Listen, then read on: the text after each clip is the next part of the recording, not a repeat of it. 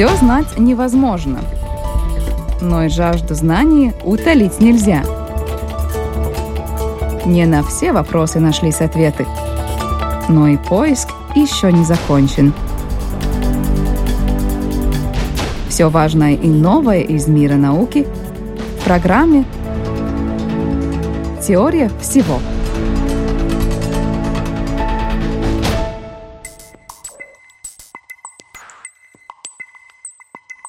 Здравствуйте, дорогие друзья! Вы слушаете Латвийское радио 4. Меня зовут Алексей Гусев, и это программа «Теория всего», где мы говорим обо всем важном и интересном из мира науки. И мы продолжаем э, цикл наших передач, который посвящен э, лауреатам э, награды Латвийской академии наук за лучшие достижения в нашей отечественной науке за 2016 год.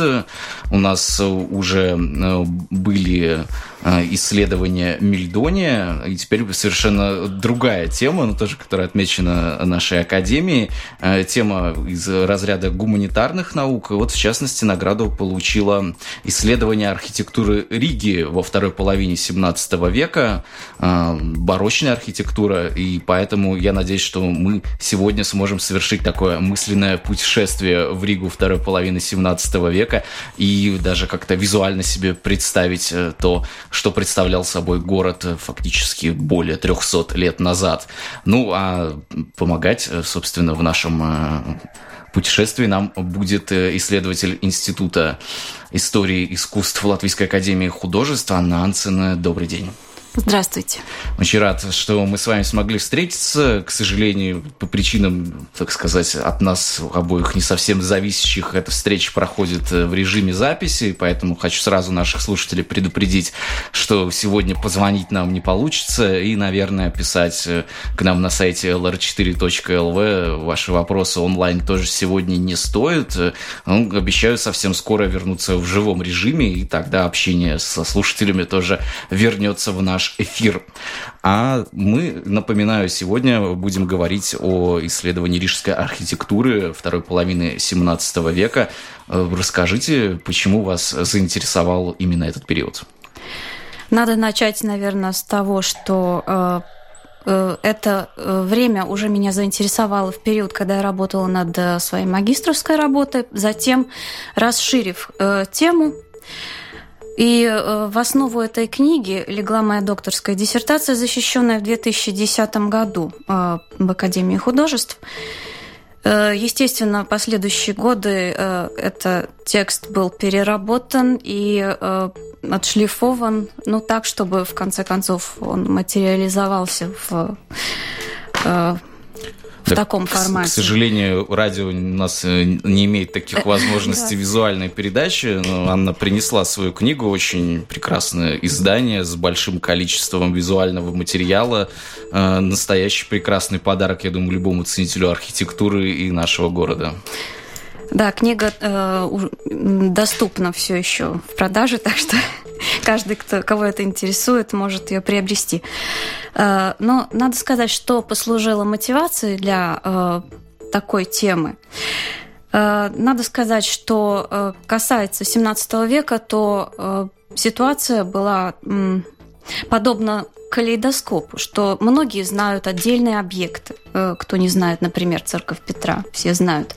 Но в то же самое время уже как бы со времени Бориса Виппера в 1937 году была опубликована его монография «Искусство барокко в Латвии», и до наших дней э, тема была рассмотрена только более-менее в отдельных статьях, посвященных э, отдельным объектам или же каким-то отдельным темам в рамках этого э, времени. И э, я просто почувствовала, что необходимо э, заполнить вот этот как бы вот это пространство и сделать э, как бы углубленный такой систематический, общий, ну, э, как это сказать, охватить вот... Э, обзор? Общий, обзор, да. Сделать общий обзор э, градостроительной ситуации и архитектурного развития этого периода, то есть динамику развития во второй половине века. Надо сказать, что 17 век вообще в архитектуре Риги очень знаменателен, потому что в это время одновременно с политическими переменами, с, значит, с 1621 года Рига шведским городом частью шведской империи, да. И именно в этом веке архитектура Риги как бы э, э, в ней чувствуется вот эта очень динамичная перемена. То есть, если в начале века еще очень много средневековой архитектуры присутствует, то именно вот постепенно-постепенно э, уже в конце века это типично барочный город, и это относится ко всему, и к городским укреплениям, и к типам архитектуры жилищной, также другие аспекты. Вот. Э, ну и в рамках исследования вот были несколько таких главных э, приоритета, да, то есть это характеристика именно градостроительной ситуации, э, начиная с городских укреплений, которые охватывают весь городской организм как такой, подобно поясу, да, опоясывают его. А, как бы образуя вот этот э, силуэт барочного города-крепости. Да. Далее... А давайте, может быть, тогда сейчас сразу и да. уточним, может быть, э, географические рамки города, э, вторая половина 17 века, что они охватывают собой? Это, понятно, наверняка то, что мы сейчас называем старый город, что-то еще туда входит? Да, уже уже как бы в конце 16-го, начале 17 века были произведены такие ну, э, довольно значительные улучшения укреплений, но именно в период э, шведского властвования, то есть не, не в 20-х годах, но постепенно уже начиная с этого времени, 30-е годы, уже создавались планы улучшения. Сначала чисто теоретические на бумаге, затем а, они были реализованы. И вот в этом смысле было интересно очень побывать в шведских архивах, а, в частности, в государственном и в военном архиве Швеции э, где э, удалось вот э, рассмотреть и найти многие вот к этому относящиеся планы укреплений, начиная с 30-х годов по 90-е. Вот, то есть э, как бы уже в 30-е, 40-е были, э, была произведена перемена вот этой типологии укреплений э, со старой системы на в то время самую модную вот староголландскую систему фортификации, которая в то время в Европе, в Северной Европе, в частности, была очень популярна что, во всей Швеции. Ну, давайте расскажем, что такое староголландская система фортификации.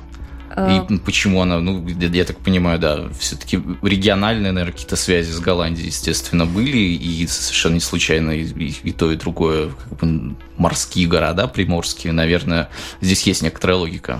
Да, конечно.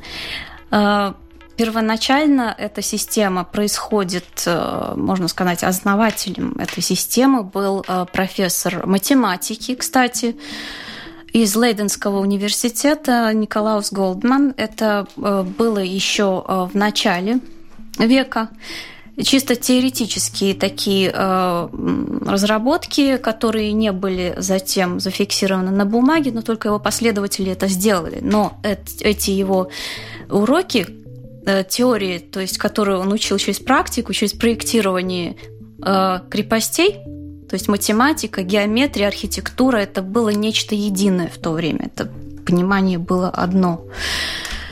А, и у него было множество учеников, то есть, которые приезжали в Лейден и э, мигрировали беспрерывно. То есть в то время было, было очень популярно именно среди инженеров, архитекторов, э, мили, э, военных инженеров э, посещать Лейден – и посещать эти лекции. Очень много шведских инженеров посещали Лейден, также из э, немецких городов, э, и также голландские инженеры, э, они тоже мигрировали на север, и особенно когда наблюдался вот рост шведской империи, им требовались э, очень много вот этих э, умелых ремесленников, архитекторов, которые бы могли работать над новыми э, вот этими крепостями Шведской империи.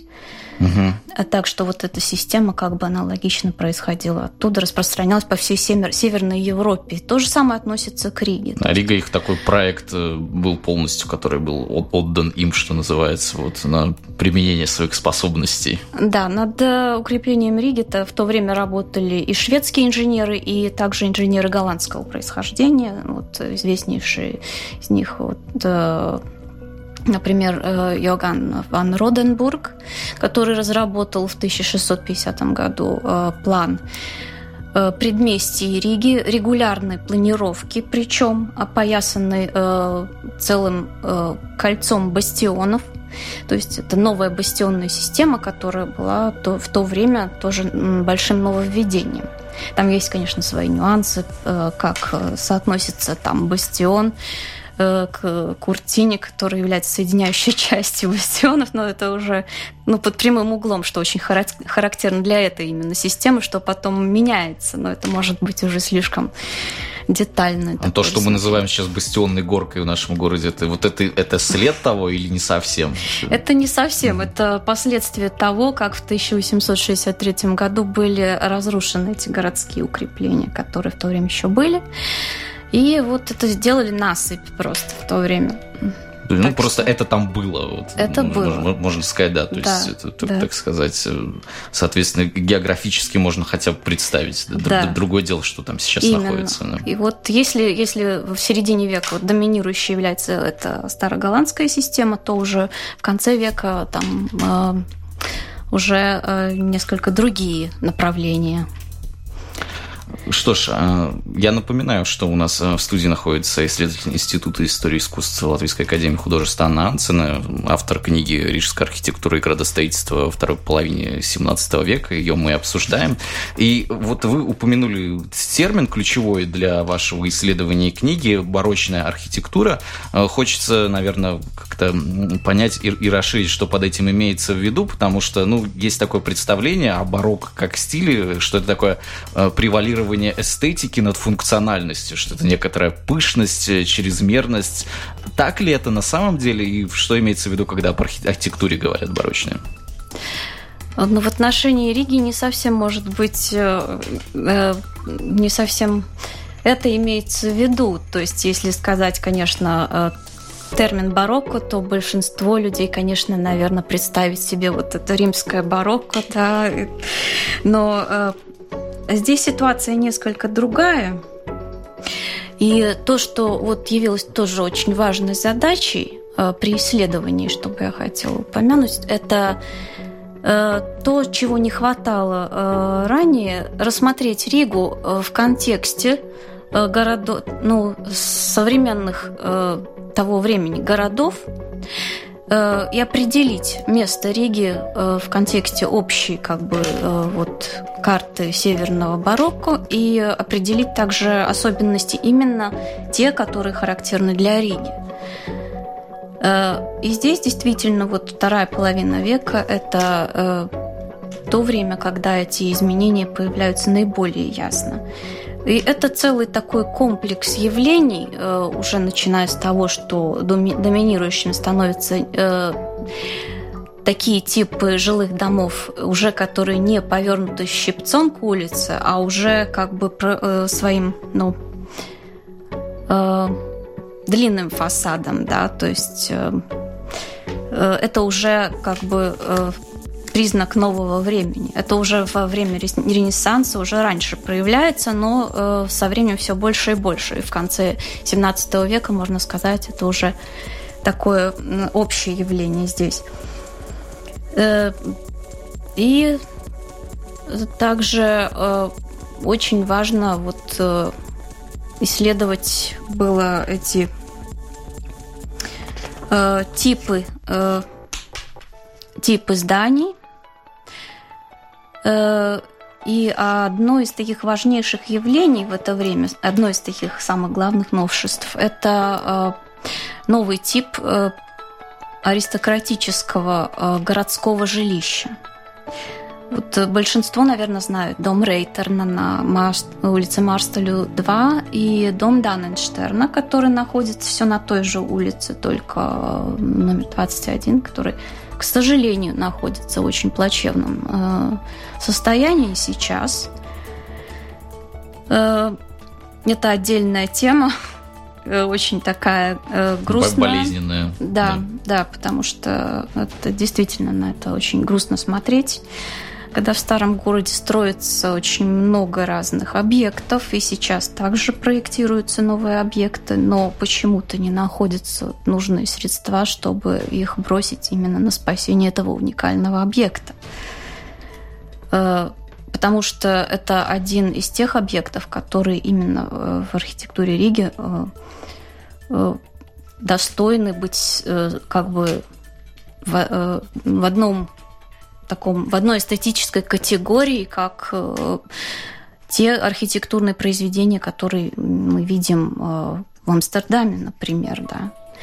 И вот это направление архитектуры, которое здесь представляет вот эти два объекта сейчас, называется голландский классицизм. То есть это как бы направление в рамках стиля барокко так очень интересно. Да, потому что, так. Потому что так не всегда происходит. Не всегда Нет. классицизм является частью барокко, по-моему. Да, да, да. Это даже звучит несколько Достаточно, так да, подозрительно. Подозрительно, потому что под классицизмом подразумевается 18 век, и это все понятно, да.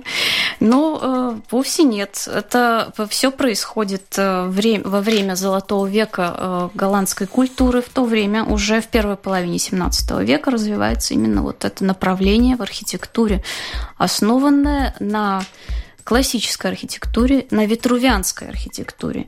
Потому что перед этим э, там доминировали несколько другие направления. Э, как бы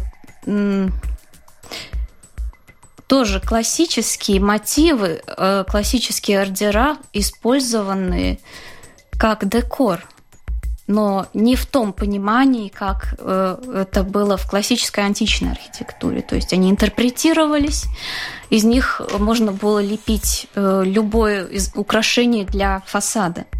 Но это уже э, совершенно другой, другой подход. И, значит, уже в первой половине XVII века Якоб фан Кампен был первым архитектором в Амстердаме, который начал вот создавать в его понимании как бы высшую архитектуру, да, которая должна быть ну, как бы, ну, даже божественной в каком-то смысле, оживляя вот это витрувианское понимание, понимание э, архитектуры в смысле палладианства. И оттуда же его многие ученики распространили э, это направление в остальной Европе. Э, э это направление было, можно сказать, очень э, популярным э, в крупнейших городах Северной Европы. В Гамбурге, например, в Стокгольме, там существует э, достаточно много подобных зданий. Э, в Риге тоже голландский классицизм проявился очень качественно, надо сказать, не подобно региональным каким-то искажениям, а именно очень в таком виде, что видно, что архитектор понимал, что он делал, да, то есть поэтому эти объекты очень, очень можно даже сравнить с такими архитекторами в Голландии, как Юстус Вингбонс, Филипс Вингбонс, Питер Пост, то есть ведущие э, архитекторы своего времени. В то время, надо сказать, были распространены и э, вот эти как бы э, печатные издания, да, вот эти изображения их проектов, Э, идеальный проект архитектуры, которые э, были, э, я думаю, доступны и здесь, в Риге, посредством там торговых связей, да. Но здесь, в Риге, э, вот эту архитектуру как нововведение э, вел не голландец, а южно-германский архитектор Руперт Бинденшу из Страсбурга, о биографии которого мы знаем очень мало на самом деле, до того, как он появился здесь в 1671 году. Но я подозреваю, что, возможно, он э, во времена своих странствий которые были в то время обязательны для э, э, как бы начинающих архитекторов, он, возможно, и посетил э, Голландию и видел эти объекты своими глазами. Но надо добавить, что это были не единственные в Риге. Еще существовали как минимум два подобных такого же уровня здания, которые сейчас, к сожалению, или перестроены, или вообще не сохранились. Да, один из них был, кстати, э, на Ратушной площади, в том месте, рядом с домом Черноголовых, отчасти на том месте, где сейчас э, музей оккупации стоит. Что ж, э, может быть, все-таки как-то это все, что называется, подытоживая, может быть, ну даже нет, не подытоживая, а обобщая, наверное. А можно ли вот сказать все-таки о каких-то основных чертах того же северного барокко, которое мы у нас в Риге находим, вот как вот так вот более сжато? Э, да, здесь э, можно сравнить, если мы сравниваем, например, со Стокгольмом, то это совершенно не является переносом буквально того же стиля, того же направления, которое проявляется там. Э, есть свои отличия, но это так трудно сразу описать. Я в книге детально, конечно, об этом говорю. Если сравнить хотя бы с соседним Ревелем, тоже в то время – Э, хотя бы по рисункам фасадов, которые были созданы в начале XIX века инженерной команды, э, то там очень хорошо видно вот это общее, да, э, как бы, если в Ревеле сохраняется еще доминанта вот этих средневековых щипцов, в Риге мы видим очень много барокальных щипцов с барокальным декором. Вот эти как бы валюты многоэтажные, украшенные орнаментом аканта. Это очень характерно для Риги того времени. Э, мало что из этого сохранилось, потому что в XIX веке очень много было из этого разрушено.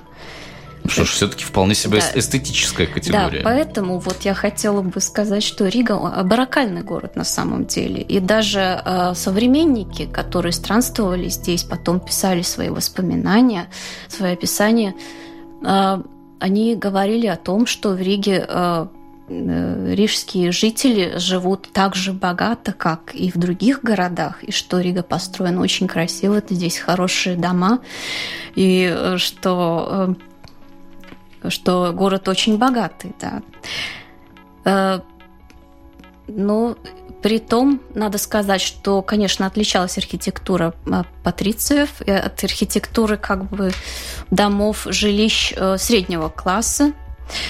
Но э, даже те, которые, может быть, не могли себе позволить э, на фасаде э, облицовку из натурального камня, пилястры большого ордера, они все равно старались имитировать эту архитектуру аристократов – Э, в плане пропорции, деления фасада. И что еще э, очень характерно для Риги, это отметил также один из моих э, рецензентов и коллег из э, Утрехтского университета, э, который исследовал эту тему по всей Европе. Это выступающий массивный профилированный карниз, э, в, в обеих краях которого помещены э, такие специфические э, маски, да, э, гротескные маски, которые не имеют функционального значения, но являются как бы декором. И они очень характерны именно для Риги. То есть э, в окружающих городах таких не найдено и в других местах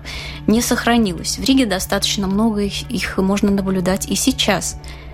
Это один такой очень характерный элемент, который и сегодня, когда мы ходим по старому городу, если посмотреть вверх, в некоторых местах они еще есть. То есть, если э, резюме сказать коротко, тогда в Риге, можно сказать, встретились вот эти два направления северное и южное барокко в каком-то смысле. Но южная, конечно, э, в порталы церкви Петра это наиболее яркое выражение. Ну, наверное, все-таки и э, религиозная, что называется, архитектура, как правильно это сказать, наверное, отличается от светской. Поэтому да, конечно. тяжело сравнивать. Да, да, ну да. Но в, в любом случае в своей книге, работе вы говорите, что, безусловно, ну, наверное, поэтому это и причина стала исследования, что у нас сохранилось достаточно большое количество объектов именно этого периода в городе, то есть нам в этом смысле здесь все-таки повезло, поскольку вот мы говорили о каких-то случаях, которые не столь э, радостные, но есть и хорошие новости, что называется. То есть это можно здесь сейчас все увидеть.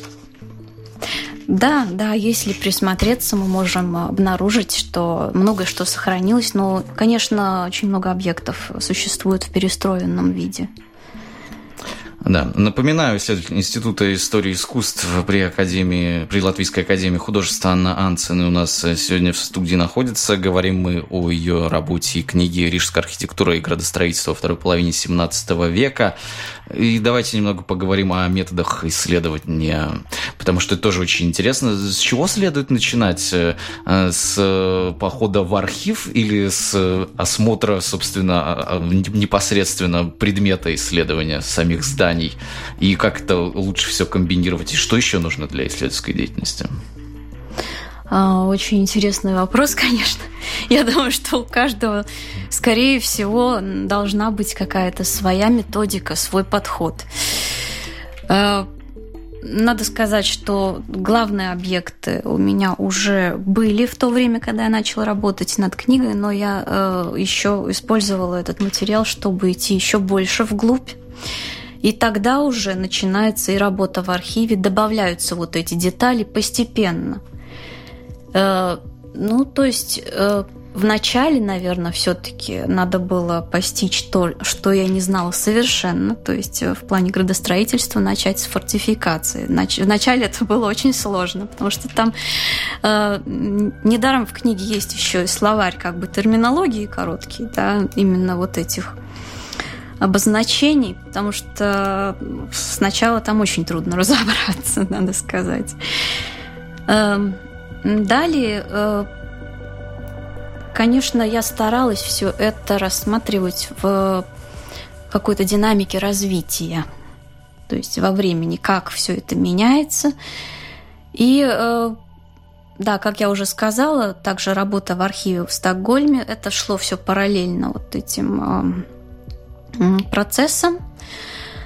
Э, а дальше уже были тоже разного рода исследования также в библиотеке в отделе э, редких рукописей здесь же, где можно было исследовать э, планы кварталов и разные как бы списки владельцев зданий в определенное время. Да. Это достаточно уникальные такие материалы, которые можно было сравнивать и потом ну, констатировать э, вот э, какие-то такие удивительные вещи, где вот как пазл, да, вот отдельные детали, их складываешь, и что-то вдруг проявляется такое совершенно неожиданное.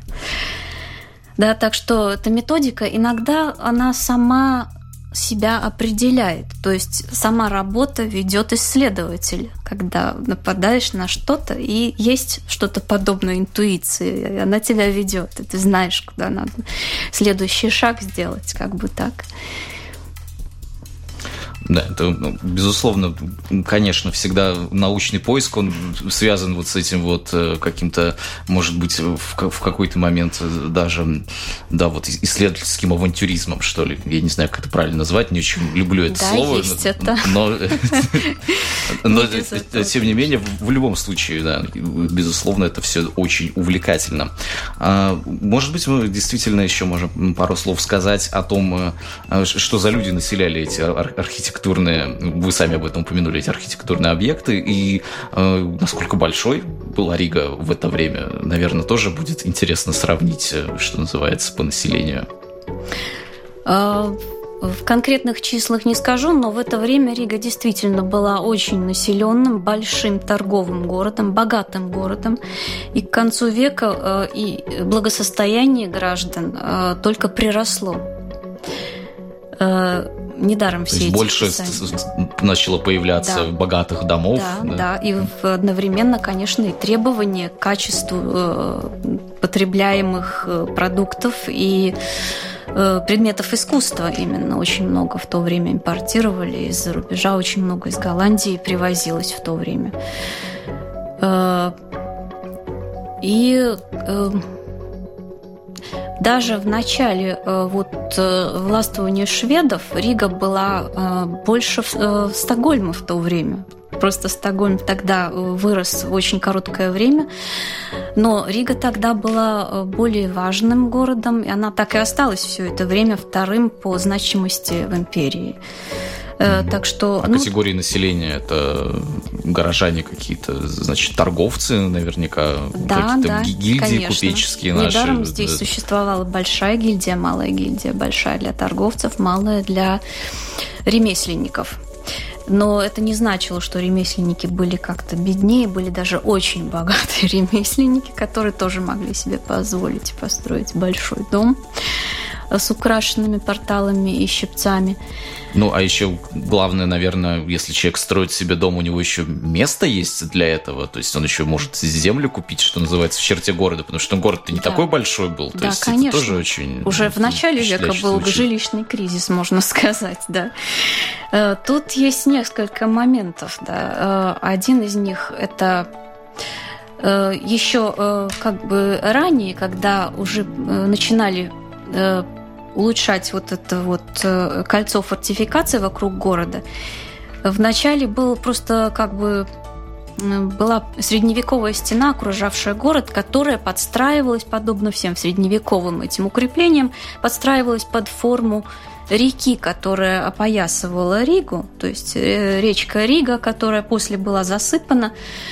И э, эта городская стена, она образовала такую кривую как бы. После того, как начали строить новую бастионную систему, это решили исправить и расширить это кольцо укреплений. И то, что э, та территория, которая оказалась между новыми укреплениями и старой средневековой стеной, э, сначала она, ну, она называлась э, как в то время Биненвал, старпвальной территории, то есть это как бы между э, укреплениями. Там сначала были всего только как бы хозяйственные постройки, э, разные склады, складские разные постройки, и ну, это место не считалось особенно как бы благоприятным. Э, затем э, понемногу вот эта старая городская стена была застроена э, с обеих сторон. И далее, уже в 17 веке, в начале, там, надо сказать, что довольно большое значение было перемене в этой типологии застройки, также такому моменту, как пожары. 1677 год. Это был э, огромный, э, страшный пожар, когда выгорела очень большая часть э, домов. И именно там, где жили благосостоятельные граждане Риги. То есть это не какие-то деревянные постройки нет, горели далеко? Нет, нет, нет. И это также положило вот начало тому, что там более интенсивно началась вот эта застройка уже по более современным таким принципам. Следующий пожар случился в 1689 именно в территории между э, укреплений. Э, и там сгорело все, что могло сгореть, и после этого было запрещено там строить э, любые деревянные постройки. И тогда вот эта земля была э, разделена тоже достаточно богатым э, горожанам, которые там тоже построили каменные новые дома, и поэтому именно вот эта территория, она может послужить очень хорошим таким примером, потому что мы можем э, определить датировку конкретно. По рисункам фасадов, по ну, немногим объектам, которые там есть, можно конкретно установить, что в то время там построили вот это. То есть, э, ну, по типологии то там очень интересно. Интересные вещи можно такие обнаружить. Э, ну, то есть э, в то время там именно были вот такие богатые большие дома с украшенными щипцами, да. Но это было до этого неизвестно, потому что они не сохранились, к сожалению. только по рисункам фасадов удалось вот реконструировать это. Поэтому в большой мере вот эта книга является тоже как бы виртуальная реконструкция, можно сказать, того времени, архитектурный образ города, да, и, ну, то, что я хотела найти, это, наверное, можно сравнить с таким обозначением, как, может быть, гений места. Ну что ж, э, удалось ли вам полностью все эти планы воплотить с выходом этой книги, или у вас еще есть какие-то идеи относительно именно этого периода и какие-то планы, может быть, продолжения какое-то следует ожидать? Э, Вначале, конечно, просто существует радость того, что работа сделана. Это главное, но э, потом, конечно, конечно, идеи есть, и можно идти в разных направлениях. Э, это очень такая опасная вещь, э, когда все уже вроде готово, и кажется, что нужно еще вот здесь доработать. И тогда начинается опять начинает куда-то тянуть в одну сторону, и надо понимать, в какой момент нужно остановиться и эту тему уже отложить на потом. Так что там есть много разных направлений, что еще можно делать, разрабатывать более детально. Что ж, о своих научных поисках и своем исследовании нам э, сегодня рассказала исследователь Института истории искусств при Академии художеств э, Латвии Анна Анцене. Э, напоминаю, что мы сегодня обсуждали ее книгу «Рижская архитектура и градостроительство второй половины 17 века». Я же с вами прощаюсь. Меня зовут Алексей Гусев. И до встречи в, на следующей неделе в рамках другой уже программы «Теория всего».